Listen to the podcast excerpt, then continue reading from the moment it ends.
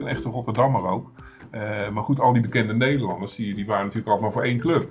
En, en zo, zo, was het natuurlijk altijd. Geert Koks was wat dat betreft een grote uitzondering. Later zijn er gelukkig meer mensen bijgekomen. Maar in het begin was hij, hij was zo'n beetje de enige. dan moest hij altijd op, op, opboksen zeg maar, tegen, tegen al die andere mensen daar in dat, in dat Hilversum.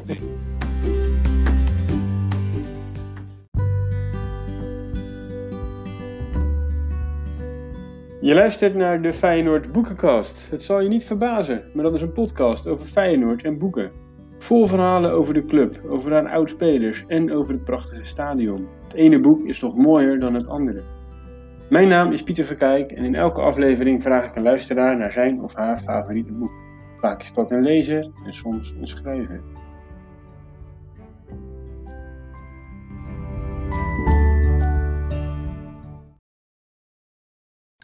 Zeg je Feyenoord en boeken, dan zeg je Boudewijn Warbroek.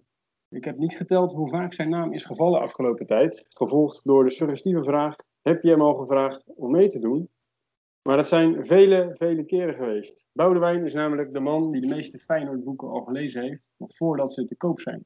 In deze aflevering ga ik natuurlijk aan hem vragen hoe dat is voor hem. Maar Boudewijn leest niet alleen, hij schrijft ook zelf. Ieder jaar staan zijn bijdragers in het jaarboek van FRFC en ook schreef Boudewijn voor Stadion Sportnieuws. Het oldschool programmaboekje dat bij de Kuip te koop is. En dan zijn er ook nog de twee boeken die hij schreef, vol met prachtige getuigenissen van clubliefde door allerlei supporters. Welkom Boudewijn. Hallo Pieter. Ik eh, word er bijna verlegen van. nou, het klopt wel, toch? Ja, het klopt wel. Nee, je zegt niks wat niet waar is. Dus uh, ja, Nee, klopt helemaal. Uh, ja, ik ben een groot liefhebber zeg maar, van Feyenoord boeken. Dus uh, toen ik op een gegeven moment zag, zag, ik ook wel op Twitter. Ik moet je zeggen, zelf ben ik helemaal niet zo actief op Twitter. Ik doe er eigenlijk weinig of niks mee. Maar goed, ik volg wel een beetje wat er op Twitter gebeurt. Een aantal mensen, mensen en, en, en, en, ook bijvoorbeeld FRSC, waar je gewoon regelmatig even kijkt van hè, wat speelt er, wat is er aan de hand. Maar zelf ben ik niet zo heel actief qua posten niet. Uh, maar goed, ik zag er wel vrij snel voorbij komen bij een van de mensen die volg, Hans Twicht. Uh, uh, zag ik, die had weer van jou geretweet, denk ik, hè, de boekenkast. ja, dat kan. Ja, dus, dus, dus ik zag al van het initiatief, ik denk, goh, dat is leuk, weet je wel. Dus en, ja, sindsdien weet ik in ieder geval dat het bestaat. En ja, een aantal mensen die ik wel ken, hebben er inmiddels ook al ingezeten. Hè. dus ehm, maar goed, ik ben inderdaad een groot liefhebber van, uh, van boeken over Feyenoord. Ik schrijf voor hand in hand uh, inderdaad de recensies. Je zei ook in je inleiding al, vaak heb ik je boek al gelezen voordat ze überhaupt te koop zijn. Dat is inderdaad omdat je, als het gaat om Feyenoord boeken, in contact met die uitgevers bent en, en komt. En of ze zoeken jou op of omgekeerd als je weet dat er een boek aankomt. En nou ja, goed, de doorlooptijd voor het maken van zo'n hand in hand is redelijk lang. Uh, zeg maar, hè? Want als je nu je verhaal inlevert, dan nou ja, duurt het natuurlijk toch even voordat het allemaal is opgemaakt en voordat het blad is gedrukt en voordat het blad uiteindelijk bij de leden op de mat ligt. Uh, dus ja, dan wil je wel, als er, als er echt weer een nieuw boek over Feyenoord komt, wil je vooraan in de lijn zitten om dat zo snel mogelijk ook in hand in hand te kunnen beschrijven natuurlijk. Uh, dus los van zeg maar, mijn persoonlijke nieuwsgierigheid, is dat ook voor, ja, gewoon voor het blad, voor hand in hand en voor de leden van, van FSV de Feyenoord belangrijk, denk ik, om, om goed en, en snel geïnformeerd te worden, zeg maar, over nieuwe boeken. Ja, een van de eerste deelnemers aan deze podcast was Frans Heijgaard. En hij, hij, vertelde ook dat, dat, dat jij de enige bent ongeveer die, die nooit zit te zoeken naar, naar content om, om te plaatsen. Nee, nee, er komt uh, eigenlijk ja, toch wel verrassend veel uit. Uh, el, eigenlijk elk jaar weer. Als je dan hè, aan het eind van het seizoen weer terugkijkt, we maken tien bladen per jaar. En ik zit inderdaad eigenlijk nooit verlegen om een, om een onderwerp. Er is altijd wel een, een nieuw boek in aantocht of, of een nieuw boek net verschenen. Uh, eerlijkheidsgebied wel te zeggen, je hebt natuurlijk boeken die gewoon volledig over Feyenoord gaan. Maar goed, ik kijk natuurlijk ook wel eens naar boeken die, waar Feyenoord de zijdelings aan bod komt. Of in, maar in een beperkt deel van het boek. om een voorbeeld te geven, niet, niet zo heel lang geleden verscheen een boek over Piet Keur. Het gaat natuurlijk niet helemaal over Feyenoord. Het gaat vooral over de persoon Piet Keur en alles wat hij in zijn carrière heeft meegemaakt. Maar goed, een deel daarvan, ik veel, 30 of 40 pagina's, gaat dan natuurlijk ook over Feyenoord. En daar zoom je dan natuurlijk op in. Uh, maar goed, het leuke is wel dat je dan toch wel vaak zeg maar, verrassende dingen weer tegenkomt. Die, uh, ja, die in, de, in de publiciteit van alle dag niet zozeer tegenkomt. Dus ja, dat maakt het natuurlijk interessant. Um, nou ja, om dat te beschrijven, en, en, dat maakt het denk ik voor de lezers van hand in hand ook weer leuk om, om dat te lezen. Hè? Ik als lezer kan dat beamen, inderdaad. Ja, ja, om een voorbeeld te geven wat me dan te binnen schiet. Dat was een paar jaar terug verscheen er in Engeland een boek over Jesse Dudek. Eigenlijk een, ja, een boek wat, die, wat in nauwe samenspraak met hem is gemaakt. Uh, ging vooral over zijn jaren bij Liverpool natuurlijk. Maar daar komt ook zijn periode bij Feyenoord komt daar aan bod. Het is ook mooi trouwens dat voor in het boek als een van de opdrachten stond hand in hand kameraden. Dus dat was wel heel leuk. Dat waren de enige Nederlandse woorden in het boek. Maar die had hij wel benoemd. Ehm, maar in dat boek lees je dan bijvoorbeeld, en dat was, in Nederland was dat nooit eerder in de publiciteit geweest, maar dat ehm, Paul Bosveld en Kees van Wonder een keer slaande ruzie hebben gehad in Spelershome. Um, en dat, was in de periode, misschien kan je je nog herinneren, dat het uh, periode dat het heel slecht ging, zeg maar. Dat, maar dat er ook, er waren interne gesprekken en daar kwamen gegevens daarover kwamen naar buiten. En toen had ehm, Leo Beenhakker was toen de trainer, volgens mij was dat in zijn interimperiode. En die zei van, ja zegt hij, we hebben een papegaai in de groep. Dat is me altijd wel bijgebleven, dat dat nu in de publiciteit ook een rol speelde, de papegaai. Ehm, maar goed, op een gegeven moment is dat, zeg maar, intern is dat geëscaleerd. omdat hij, toen heeft Beenhakker in de kleedkamer zoiets gezegd, ja, ik hoop dat die papegaai er blij mee is. En toen heeft hij ehm, een zak nootjes of zo heeft hij aan, aan, aan Verwonderen gegeven. Dus kennelijk dacht Beenhakker dat Verwonderen, zeg maar, degene was die had gelekt uit de, uit de spelersgroep. En toen is even later, is, zeg maar, in de spelershome, is Paul Bosveld is hem eh, te lijf gegaan, uh, Kees van Wonderen. En het, ja, die heeft hem letterlijk een gebroken neus geslagen. Zo stond het in het boek. En uh, ja, dat is, dat is, enorm geëscaleerd, maar het is nooit naar buiten gekomen. En dan zijn nog niet zeg maar, de leukste dingen of zo, hè, die dan naar buiten komen. Maar het is wel, ja, ik vind het toch interessant om te weten. Ik bedoel, de, de minder leuke dingen wil je ook weten, weet je wel. En, wat, er speelt, wat er speelt en leeft binnen zo'n binnen zo'n spelersgroep.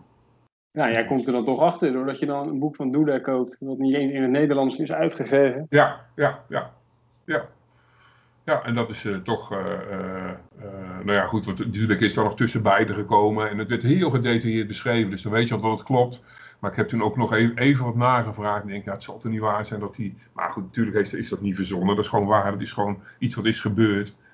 En er gebeuren natuurlijk wel meer dingen, ook onderling met spelers, wat je vaak als buitenstaander niet weet. En misschien is dat maar goed ook. Maar, maar goed, dit, dit, was daar een voorbeeld van. En dat kom je dan tegen in zo'n boek, ja, bij, bij toeval. Hè?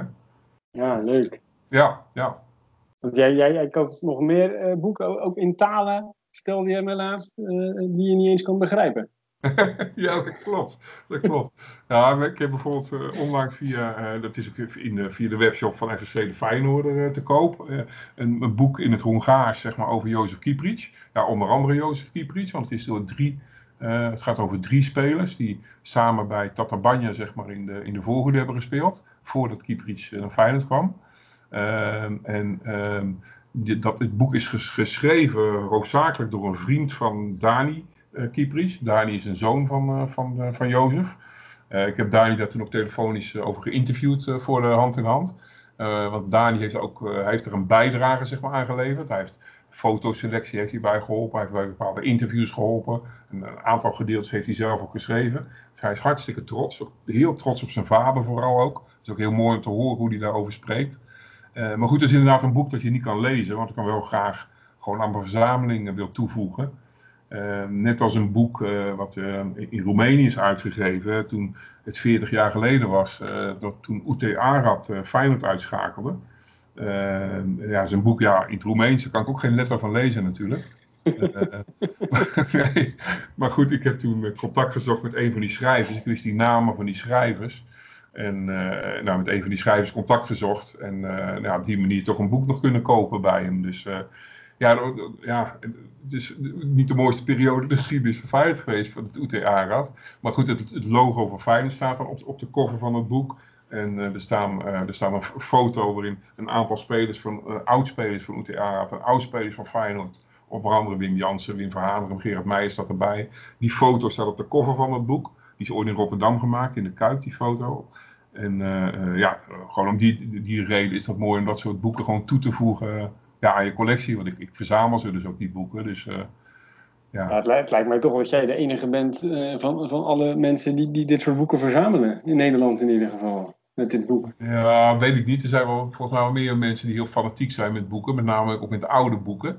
dus er zijn er wel meer. Ik, ben, ik zal zeker niet de enige zijn. Maar uh, maar goed, ik, uh, uh, ja, ik vind het daarnaast leuk, los van die oude boeken, vind ik het ook leuk om gewoon dingen die er nu uitkomen, en ook al is het in een andere taal, dan vind ik het toch wel erg leuk ja, om die ook toe te voegen aan je, aan je verzameling. Ja. ja.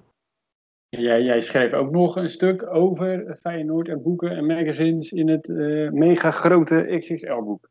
Ja, klopt. Ja, daar heb ik ook aan mogen meewerken. Dat was erg leuk om te doen. ook omdat dat natuurlijk, ja, dat is ja, in ieder geval qua, nou laat ik zeggen, hoe het, er, hoe het eruit ziet en hoe het is gemaakt. Het is natuurlijk wel eigenlijk wel het meest bijzondere fijne boek wat er is natuurlijk. Hè? Gezien de omvang en, uh, en alles. Uh, maar goed, uh, op een gegeven moment uh, werd ik daarover benaderd door Jan de Knecht. Die vroeg me van of ik daar een bijdrage aan wilde leveren. Jan werkte samen met, ja, met onder andere Danny Barends en Henk van der Dungen. werkten zij mee aan dat boek. En uh, nou goed, toen vroegen ze, hadden ze mij benaderd of ik daar een, ook een bijdrage aan wilde leveren. Dus uh, nou, met de uitgever daar contact over gehad. En uh, het onderwerp ging dan, was dan inderdaad ging dan over fanzines en zeg maar clubbladen door de jaren heen. En de hele historie daarvan. Dus die heb ik inderdaad dan in beeld gebracht, zo, ja, zo nauwgezet mogelijk. sommige dingen was dan best wel moeilijk, niet alles is natuurlijk even goed gedocumenteerd. Maar ik heb onder andere dan de geschiedenis van, van Lunatic News, wat toen net ophield te bestaan, zeg maar. Hè, want het boek is uitgekomen in 2016. Uh, Lunatic News, uh, Hand in Hand, uh, de Feyenoord natuurlijk, het clubblad. maar ook Stadion Sportnieuws daarin belicht. Um, Stadion Sportnieuws bleek toen gaandeweg, ja, hoe meer ik in beeld bracht en kwam te weten van al die bladen, dan kom je er op een gegeven moment achter dat Stadion Sportnieuws zeg maar, het oudste bestaande clubblad is eigenlijk over Feyenoord. Ja, of clubblad, blad gedrukte uitgaven, zeg maar. Uh, wat bestaat sinds 1949, toen het eigenlijk begon onder de titel Het Stadion Nieuws. Uh, nou, dat was in 1949 en al die tijd blijven bestaan, inmiddels dan onder de naam Stadion Sportnieuws. Maar het is wel steeds een voortzetting nog van Stadion Nieuws. Dus uh, ja, bestaat inmiddels 71 jaar. En daarmee is niet alleen het blad zeg maar, wat het langste bestaat, maar ook het blad wat zeg maar, de langste levensduur heeft met die 71 jaar. Want zeg maar de, eh, de, het echte clubblad van Feyenoord, de Feyenoorder, die is gekomen tot, zeg ik uit mijn hoofd, 78 jaar. Uh, met een enkele kleine tussenpoze. Maar... Ik ben geen Peter Houtman, maar ik heb wel even een korte huishoudelijke mededeling tussendoor. Direct na afloop van ons gesprek appte Boudewijn mij dat hij zich hier versprak en dat de context daardoor niet meer klopte. Bij deze zet ik dat recht. Het clubblad De Feyenoorder heeft niet 78, maar 66 jaar bestaan. Uh, ja, maar goed, daar, daarmee is dus uh, Stadion Sportnieuws nu het, uh, ja, zeg maar ook ja. het, degene met, met de langste levensduur. Ja, dat is leuk. Maar het was heel leuk om dat allemaal in beeld te brengen. De Feyenoordkrant natuurlijk ook niet te vergeten. Die wordt ook beschreven in dat, in dat verhaal. Wat natuurlijk een hele, dat is toch wel heel bijzonder, hè, Feyenoord, die clubkrant. Uh, waarin ook, uh, nou ja, wat ik zelf had, ik heb die, die, die krant vanaf het begin gewoon gelezen als abonnee, zeg maar. Uh, wat ik altijd een feestje vond, was waar die columns van Gerard Cox, dat, lag ja. ik altijd echt, echt helemaal in een duik als ik dat begon te lezen. En dat is eigenlijk de enige columnist wat ik me kan je hem niet te veel anti Amsterdam en een beetje de, de zielige uh, wij zijn Feyenoord en we hebben het zwaar uh, uithangen in die columns dan? Ja, dat was, zijn enige thema was inderdaad, maar niet zozeer dat laatste. Niet van wat zijn wij als Feyenoord zielig, maar hij belicht altijd heel erg en dat, ja, daar heeft hij natuurlijk toch een punt. Dat, wat heel veel Feyenoorders natuurlijk zo ervaren, wat ik zelf ook wel zo ervaar. Uh, wat hij dan zei van ja, uh, wat in Amsterdam uh, gebeurt, dat wordt allemaal uitvergroot en goed gevonden. En zeg maar bij, bij de media houdt zeg maar hun belevingswereld houdt op bij de overtoom of zo, schreef hij dan. En, ehm, en ja, hij zegt als een, een artis een, een, aap met drie lullen wordt geboren, dan, dan staan de kranten ervan vol of zo, weet je wel. Dat soort teksten. En ja, ik vond die Feyenoord-krant ook echt heerlijk qua opmaken hoor. Die drukte, die ja, chaos. Ja, dat ja. En, en hij had altijd, dat was een mooie term, want hij is natuurlijk een beetje bekend geworden, of, of die term is bij iedereen blijven hangen van Feyenoord sport ben je niet voor je lol, hè. Maar wat mij ook is bijgebleven, hij had het wat over het gebimbam en gebeier van de media over nou ja, die Amsterdammers en alles wat daarmee samenhangt. Ja, nog even iets wat ik zelf heel nieuwsgierig naar ben, Boudewijn. Dus er staat mij een verhaal bij van die Feyenoordkrant dat uh, Jan D. Zwart uh, dat op zijn eigen naam heeft opgezet en daar geld aan verdiende. Ja. Ik weet niet of dat klopt, maar zoiets is altijd bij mij blijven hangen. Maar je, je hebt het ongetwijfeld opgeschreven in dat XXL-boek. Ja, het is wel zo, want in het XXL-boek eh, staat, gaat het onder andere ook daarover, ja. Dat wordt ook uh, genoemd. Jan W. Zwart is inderdaad, die heeft dat zelf opgericht, die krant. Voor eigen rekening en risico, zeg maar. maar goed, hij kwam later, hij kwam ook in dienst van Feyenoord natuurlijk. Hij was de rechterhand eigenlijk van Jorien van der Herik. Maar hij was gewoon hij was de eigenaar van de Feyenoordkrant. En dat is hij eigenlijk altijd gebleven, ook in de tijd uh, dat hij in dienst was met Feyenoord, zeg maar. Dus op een gegeven moment wilde Feyenoord die krant zeg maar, overnemen. En toen hebben ze hem ja, een soort afkoopsom of zo gekocht, of in ieder geval een bedrag gegeven, om eigenaar te worden van die krant als club. Want hij was gewoon, Jan B. Zwart was inderdaad eigenaar. En toen hebben ze hem een bedrag, ik weet het niet meer, dat weet ik niet meer uit mijn hoofd. Als ik van tevoren het geweten over had, had ik het even opgezocht.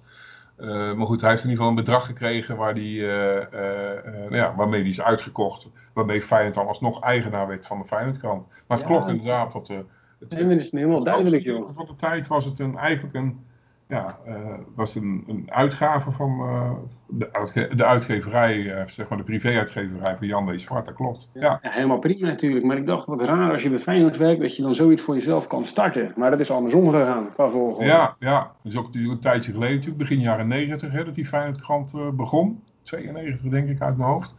Uh, dat de eerste, eerste krant uh, verscheen. en uh, of 93 kan het ook geweest zijn. Nee, ik denk 92. Maar goed, dat doe ik uit mijn hoofd. Maar um, even kijken hoor, waar we nou gebleven. Uh, ja, nee, maar, maar, dat klopt. En ik weet, uh, ik weet, nou, weet ik ook niet helemaal uit mijn hoofd of hij nou later in dienst is gekomen, feit, of het op dat moment al was.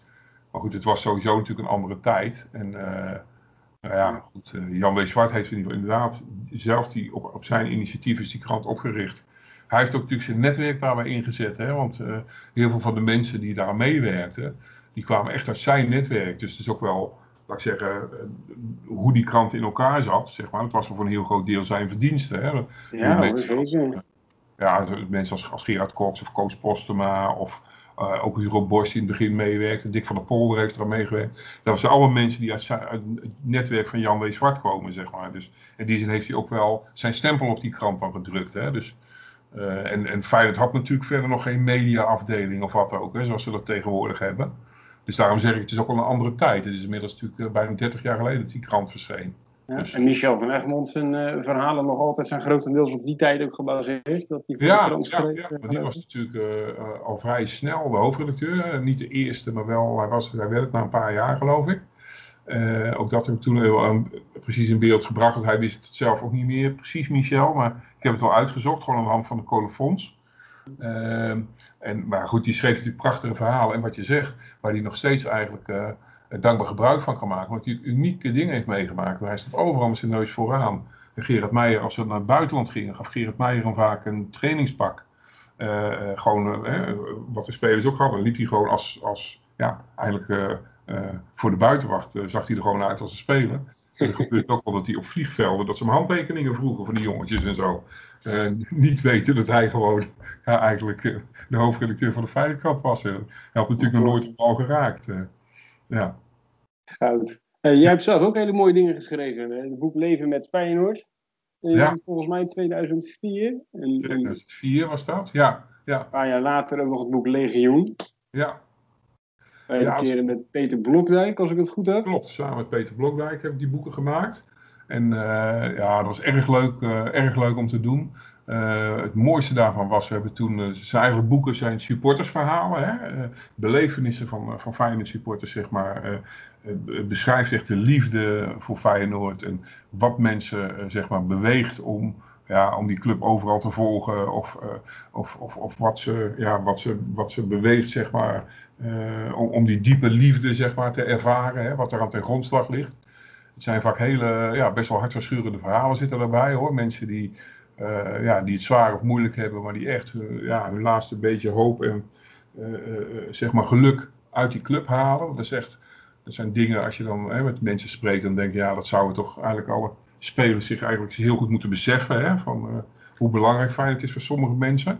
En ik heb er eigenlijk twee dingen zeg maar, uh, van geleerd. Van door gewoon met, met, met, uh, met supporters te praten en ook met hele ouderen dan van je eigen generatie, zeg maar. Ik was toen, toen met leven met Feyenoord bezig waren, was ik zo'n beetje 35. Hè. Ik ben nu 56. Ehm, maar goed, toen, nou, als je sprak met ouderen, van zeg maar 70, 70 plus, soms nog ouder. Uh, en dan hoorde je hoe fanatiek die mensen waren en hoe diep dat zat. En uh, ja, dat was voor mij toen een openbaring. En dan had ik echt van, ik had altijd toen uh, van, ja, ja, het zal toch ooit wel misschien gaan slijten of wat minder worden. Hè? Dan ben je zelf toch 35. Van, dan denk je, nou, het zal toch wel op een gegeven moment gaat die, die gekte er misschien wel een beetje vanaf. Maar dan sprak je die mensen en dan hoorde je, ja nee, maar dat, dat, zit toch net zo diep of misschien nog wel, of misschien nog wel dieper. Dus vanaf dat moment weet ik van ja, nou wist ik, wist ik in ieder geval definitief van, nou het gaat echt helemaal nooit meer over en het blijft altijd bij je. En dat zit zo in je hart, ja dat gaat, dat gaat niet meer weg zeg maar. Uh, en het tweede ding zeg maar, wat ik ook wel uh, opmerkelijk van heb gevonden en van heb opgestoken, uh, was van, um, dat er ook mensen zijn, zeg maar supporters, hè, die, die niet of nauwelijks zeg maar naar het stadion gaan, maar die ook zo verknocht zijn aan die club.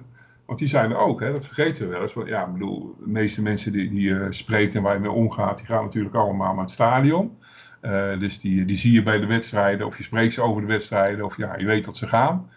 Uh, maar daarnaast zit er ook een hele grote groep die, uh, die, zitten gewoon, uh, die zitten thuis en die volgen dat allemaal via internet of, en via televisie. En, maar daar hoef je helemaal niet zo, ja, vind ik, zeg maar op neer te kijken of zo. En die mensen, daar zit het gevoel zit er vaak net zo diep. En dat kan allerlei redenen hebben waarom ze niet meer gaan. Hè. Dat, dat kan ook financiële reden zijn, maar het kan ook een reden zijn dat ze, of dat ze heel ver weg wonen en ja, het, het er dan net niet voor over hebben. Of privéomstandigheden waardoor ze misschien minder vaak kunnen gaan. Uh, maar dat wil niet zeggen dat het gevoel bij die mensen minder is. En ook dat heb ik wel een paar keer gemerkt. Dat uh, mensen die, uh, zeg maar, uh, ja, die eigenlijk al jarenlang niet in de kuip zijn geweest, maar die dan ja, juichend voor de tv staan als er wordt gescoord op een manier dat je denkt van ja, weet je wel. Zoals de meest fanatieke supporters dat eigenlijk ook doen. Dus dat vond ik ja. ook heel mooi om, dat, om daarvan bewust, bewust, bewust te worden, zeg maar.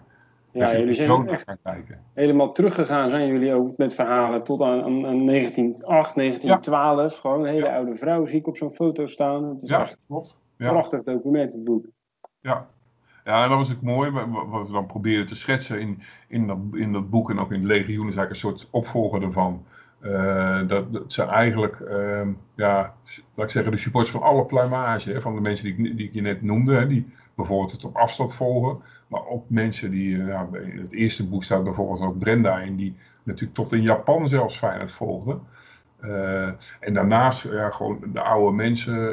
heb toen meneer Heijboer geïnterviewd. Die was echt een hele oude baas. Die, die zeg maar de avondwedstrijden bijna niet meer durfde te gaan. Omdat hij dat bang was, zeg maar. Weet je wel. bang was dat er in, in, de, in de metro iets zou, zou gebeuren. Dat hij zou worden lastiggevallen. Dus, uh, uh, maar goed, die nog wel altijd ging, want die, die ging al vanaf de Kromme Zandweg. En ja, die kon die club natuurlijk niet missen. Um, en daarnaast, ja, de latere generatie supporters, hè, die, met, gewoon met de tatoeages. En uh, ja, weer een hele andere generatie, een hele andere tijd natuurlijk. Ja, bijvoorbeeld Brian Wilson, hè, die, uh, die zijn ehm, zijn zoon uh, Feyenoord noemde. En die Jorien van der Heer op zijn been tatoeëerde en later liet weglezen. Die komt ook in dat bord, uh, uh, of in dat boek tevoorschijn. Ja, nee, het is echt een aanrader om te lezen. Mochten mensen het nog niet kennen, ga er ja. naar op zoek. Ja, nou, dan spreken die van heel veel. Het zijn de verhalen eigenlijk van die mensen. Ik bedoel, wij schrijven ze op, maar het zijn hun verhalen uiteindelijk. En, maar er spreekt ja, zoveel Feyenoord liefde uit. Dat is ja, dat was vaak, ja, was gewoon prachtig om met die mensen te spreken. En uh, het is een feest om, om zo'n boek te maken. Ja, ja jij, jij gaat dadelijk ook zelf voorlezen uit een boek, niet uit je ja. eigen boek, uh, nee. weet ik. Nee. Nee, ik, uh, uh, tuurlijk, ja, had, gekund mijn eigen boek, maar nee. Uh, ik heb gekozen voor een ander boek. Ik heb wel geprobeerd, ik denk van ja, ik vind het leuk om een beetje recent te kijken. Want je kan natuurlijk ook kijken naar boeken van wat een aantal jaren langer geleden. Maar als je nou kijkt van toen er een hele hoos aan boeken kwam, was natuurlijk na het kampioenschap in 2017. toen kwam er nou ja, een heleboel boeken kwamen eruit. en de mooiste vond ik persoonlijk van Mikkel Schouwkamp van het Algemeen Dagblad. Want dat is echt een heel mooi document, zowel in tekst als beeld. Omdat dat behalve de wedstrijden ook alles eromheen beschrijft. bijvoorbeeld de hele kwestie rond het, de uitstel van de schorsing van Vilena toen. waardoor die ja, in Heerenveen nog kon spelen en het winnende doelpunt maakte. dat soort dingen. maar hij beschrijft, dan ook gewoon de gang naar de terugcommissie en uh, zeg maar alles, alles eromheen. Dat is de grote kracht van dat boek, dat je echt het hele seizoen uh, zeg maar, uh, in beeld krijgt. Maar andere boeken met name natuurlijk op het sportieve deel focussen en op de wedstrijden. Ehm, maar goed, wat ik het daarnaast ervan uitsprongen, uitspringen was een ander boek. En daar wil ik graag een stuk uit voorlezen. Dat is het boek van de eerste van de eeuw, van, van Bart Vlietstra en Willem Vissers. twee journalisten van de Volkskrant. Uh, die, die brachten een boek uit zonder, ook maar één foto erin. Dat uh, op zich al bijzonder is natuurlijk voor een sportboek. Uh, zeker voor een boek over een kampioenschap. maar goed, zij hebben het dan, ja, zij beschrijven dan dat kampioenschap en alles wat er omheen is gebeurd op, op zo'n mooie en, en, meeslepende manier. dat ik denk, ja, daar zou ik wel eigenlijk graag een stuk uit voor willen lezen. en misschien moet ik vooraf even zeggen dat ehm, ehm, er komt ook een songtekst in voor songtekst van Gerard Cox. Ehm, en we gaan proberen om die te laten horen, zeg maar, uh, uh, door Gerard Cox zelf. Dus we moeten even kijken of dat, uh, of dat gaat lukken. Leuk. Ja. Nou, succes. Ja, ik zal, ik pak het er even bij. de titel van het hoofdstuk is ook, dat, dat is ook de titel van het lied van Gerard Cox. De titel is Werkmansleed. Daar gaat hij. Over de hunkering van Feyenoord naar kampioenschappen zijn boeken geschreven en programma's gemaakt. De zakdoeken zijn gevuld met tranen, na weer een seizoen zonder prijzen. Zo'n seizoen waarin Feyenoord zijn ambities uitsprak, doch meteen afhaakte. Of anders een tijdje hoopvol meedeed en vervolgens de strijd alsnog verloor. Liederen zijn gecomponeerd over die hunkering. Soms met melancholische, soms ronduit droevige inslag op het ritme van de blues ook. Zo rustig en vredig was de Kuip tijdens de rust van het duel met NEC het voorbije seizoen, dat een lied de aandacht trok van veel mensen op de tribunes. Het, lied kabbelde langzaam langs de rangen. Het klonk heerlijk verkwikkend. Het bleek een lied van Gerard Cox. Althans, het is van Randy Newman, maar met een Nederlandse tekst bewerkt door Gerard Cox. Het refrein gaat zo.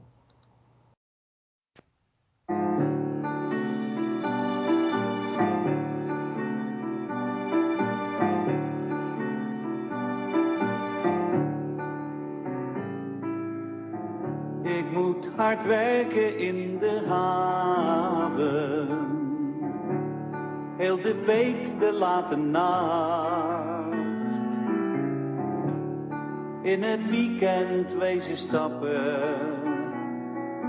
Laveloos naar huis gebracht. De tv één brok ellende ook de krant puilt ervan uit. En soms denk ik, wat een leven. En zing dan in mijn huis hier in Zuid. Feyenoord, Feyenoord, word maar lekker kampioen.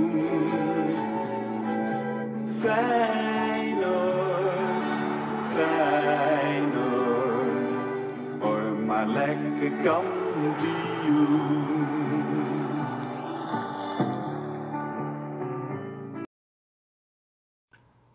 is de hunkering naar de titel, vervat in mooie strofe muziek, met de stem van de ras Rotterdammer Gerard Cox, supporter van Feyenoord. Over die hunkering gaat het zo vaak bij Feyenoord. Maar is die hunkering niet wat overdreven, een beetje protserig opgepoetst, kunstmatig gevoed met grote woorden en gebaren? Enerzijds wel natuurlijk. Want wat zeuren ze nou bij Feyenoord? Duizenden supporters in Nederland zijn aanhanger van clubs die nooit iets winnen. Fortuna Sittard bijvoorbeeld viel de laatste jaren alleen op door financieel gezeur, drijvend op een opleving van een buitenlandse investeerder. Maar zelfs nu heeft de KVB alweer 9 punten van het totaal afgetrokken.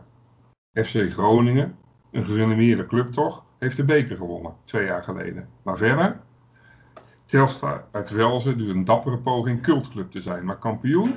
Daarvan durf je niet eens te dromen. Dan Feyenoord. altijd die hunkering. Het is toch ook een beetje uitgevent leed? Hoewel, de oorzaak is natuurlijk simpel. Rotterdam is een grote stad. De tweede stad van Nederland. Met een van de grootste havens ter wereld. Zo'n stad wil een club met succes. Een club die zich laat bewonderen. Maar nog belangrijker is de, de sportieve geschiedenis van Feyenoord. Feyenoord is een grote club.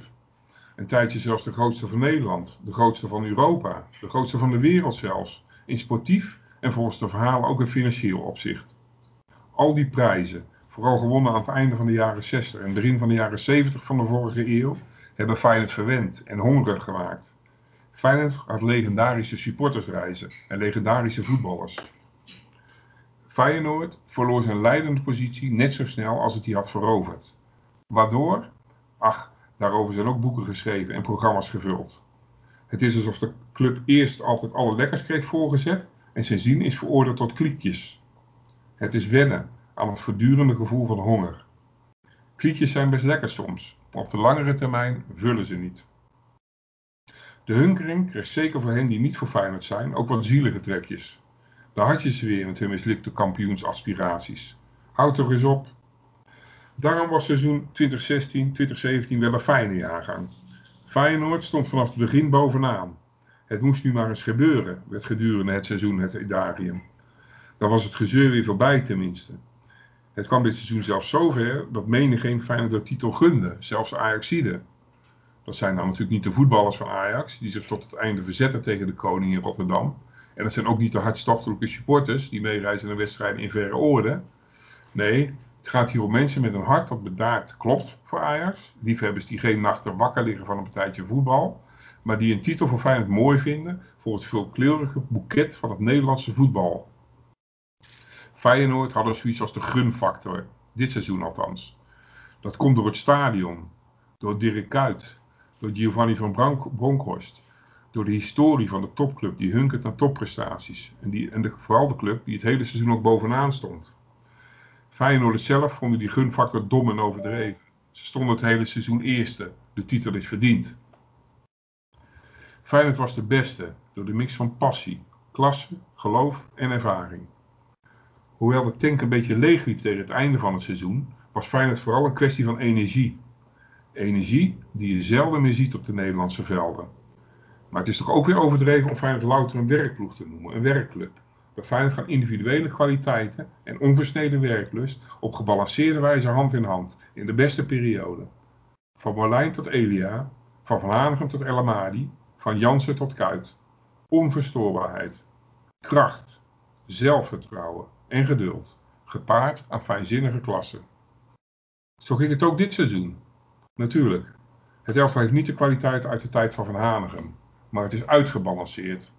Het duel FC Twente-Feyenoord 0-2 op 5 februari 2017 stond in zekere zin model voor dit seizoen. Kort na Twente-Feyenoord verspreidt Feyenoord een foto via Twitter. Erik Bottegien, de maker van 0-1, omhelst Steven Berghuis. De ogen van Bottegien zijn gesloten. Het lijkt alsof hij huilt van geluk. Zijn krullen plakken aan het zweet op zijn voorhoofd. Zijn vuist ligt op de schouder van Berghuis. De aderen over zijn arm zijn goed zichtbaar. Het is een opwindende foto, als beeld van opluchting en inspanning. Op een andere foto jaagt topschutter Nicola Jurgensen na de 0-2, dankzij een zielend schot in de korte hoek, vlak voor tijd. Met de mond open is hij op weg naar de supporters achter het doel. Zijn rechterhand grijpt naar het embleem op zijn linkerborst, het embleem van Feyenoord. Het aftellen naar de eventuele titel was op dat moment al lang bezig. Het geloof in het kampioenschap groeide met de week, hoe moeilijk het programma ook nog was. In de eerste helft van FC Twente Feyenoord, een intense wedstrijd in een stadion dat deinde op voortdurend gezang van supporters, wierp verdediger Terrence Congolo zich in de baan van het schot van Seis.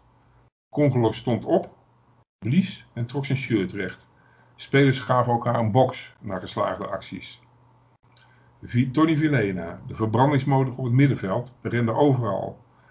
Hij was voorin om te koppen met dat kleine lijf en achterin om ballen weg te werken. Dat hoort ook bij Feyenoord, zei trainer Giovanni van Bronckhorst na afloop. Feyenoord is passie en strijd, een team dat ervoor gaat. En snel voegde hij eraan toe, plus ons voetballend vermogen. Zo'n moment als met Congolo was zo vaak te zien dit seizoen. Het was alsof aanvoerder Dirk Kuyt zijn aangeboren mentale vermogen in partjes had verdeeld en het voorafgaand aan het seizoen in de kleedkamer had uitgedeeld onder zijn collega's. Nou ja, bij Botteguin was dat onnodig. De Braziliaan is ook zo'n werkende held. Hij scoorde vorig jaar toen Feyenoord zijn dieptepunt naderde in de bekerwedstrijd tegen Roda. Botteguin scoorde dit seizoen bij PSV in de gewonnen topper. En hij scoorde dus weer bij FC Twente, een kwartiertje voor tijd, toen het nog 0-0 was. Een hoekschop was alweer even verwerkt toen hij nog voorin vertoefde. Elia passeerde op de linkerflank zijn tegenstander. Ter avest op klassieke wijze, met een heerlijke schijnbeweging en zette voor met links. Bottegien plaatste erop zijn linkervoet geconcentreerd en beslist tegen de bal. Dat doelpunt was exemplarisch voor de symbiose van kwaliteiten bij Feyenoord. Elia is immers frivol, met hoog rendement, assists en doelpunten, ondanks al zijn blessures. Elia is bij Feyenoord de vertegenwoordiger van de pure klasse. Opeens kan hij toveren, vanuit het niets. En hij heeft leren werken ook door de jaren heen. Dat is het mooie van het huidige Feyenoord. En zo gaat het in een elftal dat steeds sterker gelooft in een bijna heilig doel. Bepaalde kwaliteiten groeien dan naar elkaar toe. Dirk Kuyt was normaliter de onverstoorbaarheid zelf. Hij liep en rende, vrij anoniem soms. Hij ging nogthans voorop in de strijd, was misschien zelfs iets te aanvallend soms. Totdat hij na een uur werd gewisseld voor Toornstra in dat typerende duel met Twente. Uitgerekend na Toornstra's komst viel de beslissing. Maar natuurlijk is het te simpel om te stellen dat het alleen kwam door de wissel van Kuit. In zo'n laatste half uur komt er sowieso meer ruimte. Zeker doordat Twente vermoeid raakte. Als één ploeg zou winnen, zou dat Feyenoord zijn. Hoewel de wedstrijd even op 0-0 leek af te stevenen. Pas in de laatste fase van het seizoen verdween die ogenschijnlijke onverstoorbaarheid. En leek Feyenoord de titel nog te verspelen. Ook nog het energieverslindende spel zijn tol eiste en de een de ander afhaakte met blessures, terwijl de tweede garnituur niet goed genoeg was om de vacatures naar behoren in te vullen. Karim El Amadi was op die 5 februari tegen FC Twente net terug van de Afrika Cup. De Marokkaan speelde altijd. Daarom had Van Bronckhorst weer een keuze uit luxe moeten maken. Hij liet dus Toornstra op de bank, maar het is goed om hem achter de hand te hebben, zo bleek. Van Bronckhorst prees na afloop allen, zoals een trainer betaamt, die hoopt dat uit de teambuilding de titel voortvloeit. Hij loofde Toornstra om zijn loopvermogen en Kuit om zijn leiding, zijn passie en zijn strijd. Het was een seizoen van heerlijk aftellen sinds de winterstop. Tijdens dat aftellen kon er van alles fout gaan, net als bij een raket die klaar is voor lancering. Alles is geregeld, met alles is rekening gehouden. Rook stijgt op, maar dan? Ja, dan. Verhalen gingen over karma, over voorbestemming. Dat was het mooie tot in mei, de voortdurende bespiegelingen, met mogelijk steeds wisselende kansen. Feyenoord stond steeds bovenaan, maar zou de club nog een fout maken? Ajax kwam tot op één punt, door eerst de klassieker in Amsterdam te winnen en op zaterdag 8 april van NEC te winnen. Waarna Feyenoord weer moest counteren bij PEC. Dat lukte nauwelijks, want Feyenoord speelde gelijk. Met nog vier ronden te spelen was er nog één puntje over. Het hunkerende legioen leefde tussen hoop en vrees. Het kon niet meer misgaan, zei de een. De ander wist wel beter en liet zich meedrijven op de wolken van defetisme. Ze gingen de Koolsingel vast oppoetsen, schreven de positivo's onder de liefhebbers. Feyenoord, Ajax en het uiteindelijk iets te vroeg afhakende PSV. Zo spannend was het. Elke week weer. Elke dag in de vermaakindustrie voetbal. Elke dag viel er wel iets te bespreken dit seizoen. Of het nu over Tita Tovenaar van Basten en zijn spelregels ging, of over Vergaal en Van Breukelen bij de KNVB, over kunstgras, of internationaal gezien over Messi, of over de diepe emoties bij Chapecoense, de Braziliaanse club die weer voetbalt na de vliegramp. De bespiegelingen over de titel waren het mooist in Nederland. Ze betekenden een mentale uitputtingsslag, maar uiteindelijk werd Feyenoord kampioen, dankzij die mengeling van klasse, passie en geloof. En dus was het mooi om Gerard Cox te horen, toen en nu zeker, al is de tekst dan gedateerd, maar iedereen die van Feyenoord houdt, kent het ritme van de blues. Je hoort alleen van werkeloosheid. Het geld wordt alsmaar minder waard. Ieder kuiltje ruim een knaakie. En dat heeft dan wel vaart. Maar ik red me wel. Oh ja, ik red me wel. Ik heb altijd nog mijn ploegie en dat speelt zo fijn spel. Oh ja, ik red me wel.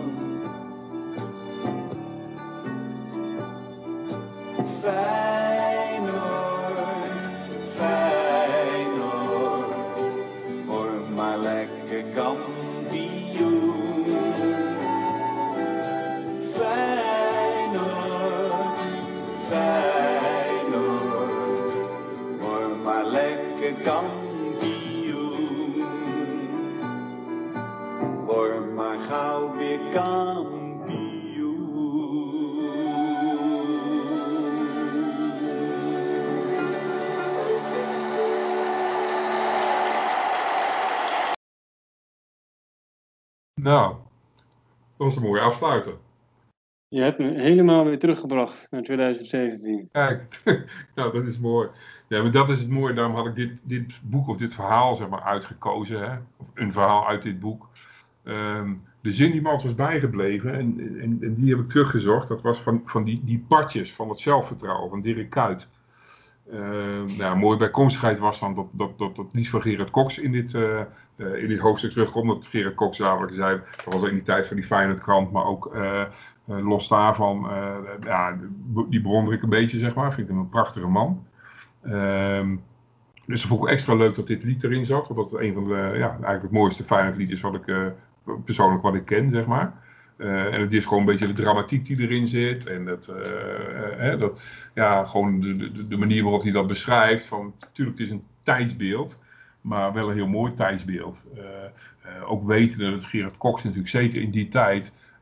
dat was zeg maar een, van de weinige mensen in dat, in dat nou, laat ik zeggen, uit dat ja, het grachtengordelcircuit, zal ik maar even zeggen, hè, die er vooruit kwam dat hij verfijnd is. Dat was natuurlijk een echte Rotterdammer ook. Eh, maar goed, al die bekende Nederlanders, die, die waren natuurlijk altijd maar voor één club.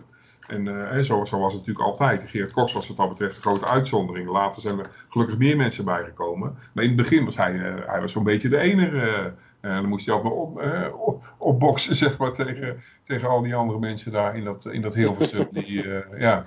Dus, dus ja, ook dat vond ik altijd wel extra mooi, zeg maar. Ja, nee, een prachtig fragment uitgekozen van Willem Vissers, volgens mij.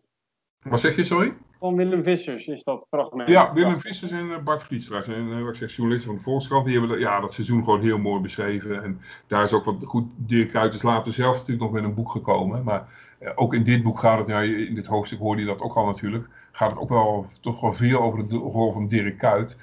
Die natuurlijk, ja, natuurlijk een heel zwaar seizoen heeft gehad. Ook omdat hij gaandeweg toch ja, een beetje op een zijspoor raakte. Eh, terwijl zijn invloed eigenlijk toch alles beslissend is geweest natuurlijk voor het landskampioenschap. Omdat hij inderdaad mentaal zoveel zeg maar, op, die, eh, op zijn medespelers weet over te brengen. Dat, eh, ja, dat je echt wel... Kijk, je, hebt, je hebt vaak de grote successen dat je dat dan toch wel aan één persoon een beetje kan ophangen. Hè. Zoals, je hebt de UEFA Cup van 2002 was de UEFA Cup van Pierre van Hooijdonk zo in je beleving. En zo is toch dat kampioenschap van 2017 natuurlijk het kampioenschap van Dirk Kuyt. En, en niks ten nadele van het andere, want wat precies ook in het verhaal staat, dat was natuurlijk die hele ploeg. Het, het, het past natuurlijk perfect dat plaatje, hè, allemaal. En Ja, inderdaad van, van Eldero Elia tot Erik Bottegien tot, tot eh, eh, Brad Jones ook niet te vergeten. Hè, die, die fantastische seizoen keepte. ja, Karsdorp, Congelo eh, en Vilena ook die een topjaar draaide. Toornstra. Het was natuurlijk een fantastisch elftal. eh, wat, wat, wat, wat ja, op de toppen van ze kunnen presteren. El Amadi. Ja goed, je, je kan ze eigenlijk allemaal dus inderdaad noemen. Het, het, het klopte gewoon. Het hele elftal klopte. het een heerlijke afsluiter, Boudewijn. Echt waar. Ja. Iedereen genoemd weer van dat jaar. Ja, En de trainer dat jaar was natuurlijk van Bronkhorst. ja Gio, eh, absoluut. absoluut. Degene die, die bij een van jouw boeken het voorwoord heeft geschreven. Ja, klopt, klopt. Ja, En dan is de cirkel rond. legioen. ja, en Gio heeft toch, eh, want hij kreeg daarna eens kritiek over de, laat ik zeggen, de, de manier van spelen. En, maar goed, hij is voorlopig wel, eh, hij heeft twee KNVB-bekers en een landstitel gewonnen in drie jaar tijd. Ja, dat is toch wel eh, ja, heel knap, zeg maar. Het zal niet gewoon een andere trainer hem nadoen, denk ik. Dankjewel. Graag gedaan, Pieter.